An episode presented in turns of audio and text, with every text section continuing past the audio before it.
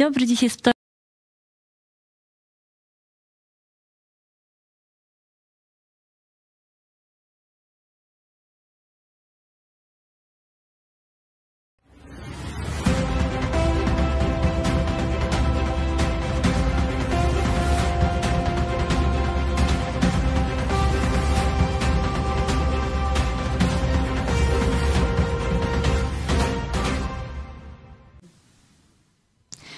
Dzień dobry, dziś jest wtorek, 14 lutego. Olga Gazda, zapraszam na serwis informacyjny w telewizji Idź Pod Prąd. Rosyjskie samoloty przeleciały w pobliżu polskiej granicy. Wczoraj trzy rosyjskie samoloty zbliżyły się do strefy identyfikacji powietrznej nad Polską. W reakcji poderwane zostały dwa holenderskie myśliwce F-35 stacjonujące w Polsce w ramach misji NATO. Ministerstwo Obrony Holandii napisało w komunikacie, po identyfikacji okazało się, że były to trzy samoloty. Rosyjski IU-20M, eskortowany przez dwa myśliwce Su-27. Holenderskie F-35 eskortowały formacje z daleka i przekazały eskortę partnerom z NATO. Śledzenie rosyjskich maszyn przejęły od Holendrów niemieckie myśliwce Eurofighter. Rosjanie lecieli nad Bałtykiem bez włączonych transponderów i bez planu lotu.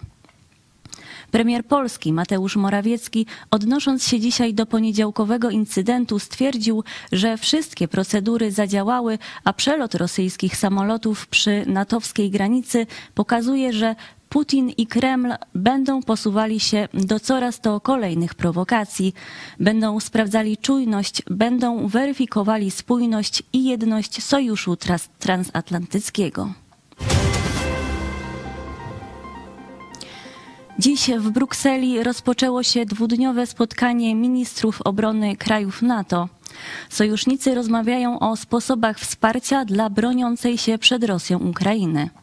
Wczoraj sekretarz generalny NATO Jens Stoltenberg mówił: Musimy nadal zapewniać Ukrainie wszystko, czego potrzebuje do zwycięstwa i osiągnięcia sprawiedliwego i trwałego pokoju. Jest oczywiste, że mamy do czynienia z logistycznym wyścigiem z czasem. Kluczowe zasoby, takie jak amunicja, paliwo i części zamienne, muszą dotrzeć na Ukrainę, zanim Rosja przejmie inicjatywę na polu bitwy. Szybkość będzie ratowała ludzkie istnienia. Stoltenberg podkreślił, że konieczne jest zwiększenie tempa produkcji amunicji. Polski minister obrony Mariusz Błaszczak powiedział, że państwa zadeklarowały udział w koalicji przekazania czołgów Leopard. Do już konkretnych deklaracji dziś dołączyła Norwegia. Pracujemy nad tym, aby Finlandia także przekazała czołgi. Koalicja okazała się żywa, powiedział minister Błaszczak. Norwegia w wyposażeniu armii ma 36 leopardów, zadeklarowała przekazanie 8 maszyn Ukrainie. Polski minister obrony powiedział także, że wierzy, iż rozmowy o przekazaniu Ukrainie samolotów zakończą się pozytywnie. Premier i jego minister mogą zostać wezwani przed sąd w charakterze świadków. Pełnomocnicy pastora Pawła Chojeckiego złożyli w sądzie wniosek o powołanie na świadków Mateusza Morawieckiego i Michała Dworczyka w procesie dotyczącym wolności słowa. Pastor Kościoła Nowego Przymierza i redaktor naczelny telewizji Idź Pod Prąd Paweł Chojecki został oskarżony za słowa, jakie wypowiadał na antenie, między innymi krytyczne wobec prezydenta Andrzeja Dudy. Paweł Chojecki często krytykował też rząd Prawa i Sprawiedliwości. W procesie pastora w charakterze oskarżycieli posiłkowych występują osoby związane z mediami narodowymi i tu pojawia się wątek afery mailowej. Maile ze skrzynki Michała Dworczyka, ujawnione niedawno przez serwis Poufna Rozmowa, wskazują, że Mateusz Morawiecki i jego współpracownicy, w tym Michał Dworczyk, organizowali dotacje dla narodowców związanych z Marszem Niepodległości i Robertem Bąkiewiczem w zamian za poparcie polityczne i zwalczanie przeciwników politycznych PiS. Maile pochodzą z czasu tuż przed drugą turą wyborów prezydenckich. Ustalane w nich były warunki powstania funduszu, który później dał milionowe dotacje dla organizacji narodowców. Michał Dworczyk miał pisać wtedy między innymi Mateusz, jak wiesz, jestem zwolennikiem współpracy z Ruchem Narodowym, ale obecnie uważam, że te propozycje są nadmiarowe. Narodowcy już robią swoje wypowiedzi w mediach społecznościowych i tradycyjnych. Ponadto w środę będzie demonstracja pod ratuszem. Dworczyk w mailu miał poprzeć propozycję wicedyrektora Instytutu prowadzonego przez Żaryna oraz obietnicę 5 milionów na Fundusz Patriotyczny i rzeczywiście pół roku po tej wymianie korespondencji powstał Fundusz Patriotyczny i to z budżetem 30 milionów złotych. Organizacje związane z Robertem Bąkiewiczem dostały około 3 miliony w roku 2021 i kolejne dotacje w następnym roku. Stowarzyszenie Marsz Niepodległości w 2021 roku otrzymało również z Narodowego Instytutu Wolności ponad 190 tysięcy złotych na projekt Media Narodowe Warszawa Obywatelski Portal Lokalny.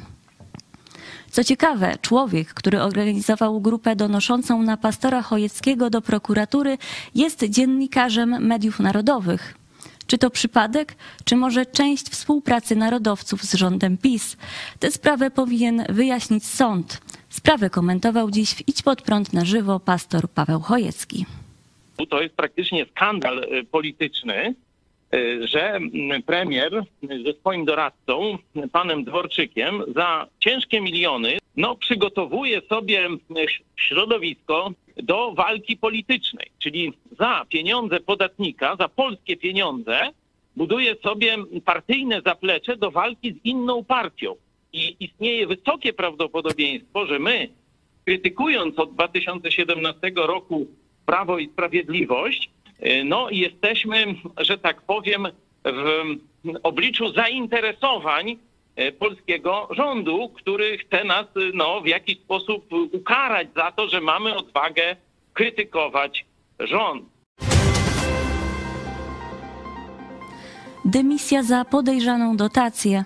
Pełniący obowiązki dyrektor Narodowego Centrum Badań i Rozwoju Paweł Kuch został odwołany ze stanowiska.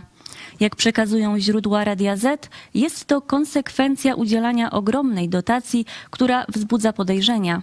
55 milionów złotych przyznano w konkursie Szybka Ścieżka Innowacje Cyfrowe firmie, która została zarejestrowana zaledwie 10 dni przed konkursem. Założycielem jest jedna osoba. Spółka jest zarejestrowana w prywatnym mieszkaniu. Według Radia Z do odwołania szefa rządowej instytucji doszło po kontroli poselskiej polityków Koalicji Obywatelskiej Michała Szczerby i Dariusza Jońskiego. Posłowie stwierdzili, że firma założona przez 27-letniego mężczyznę nie ma szans na uzyskanie potrzebnego wkładu własnego w wysokości 17 milionów złotych, ani nie ma potencjału, aby zrealizować projekt, który uzyskał dofinansowanie. Posłowie wskazują również na inną, jeszcze większą, podejrzaną dotację z pieniędzy podatników. Druga firma, która dostaje 123 miliony. To jest, Szanowni Państwo, e, firma białostocka. E, akurat e, tak się złożyło, że NCBR nadzoruje wiceminister funduszy z Białego Stoku. Została zarejestrowana w roku 2020. W roku 2020 przychód tej firmy wyniósł 132 zł. W roku 2021 przychód tej firmy to jest 92 tysiące złotych. W roku 2020 miała stratę 5 tysięcy złotych.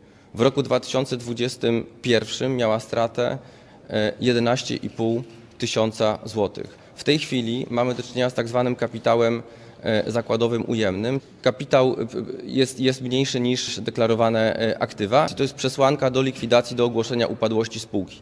I ta spółka otrzymuje 123 miliony złotych z Narodowego Centrum Badań i Rozwoju.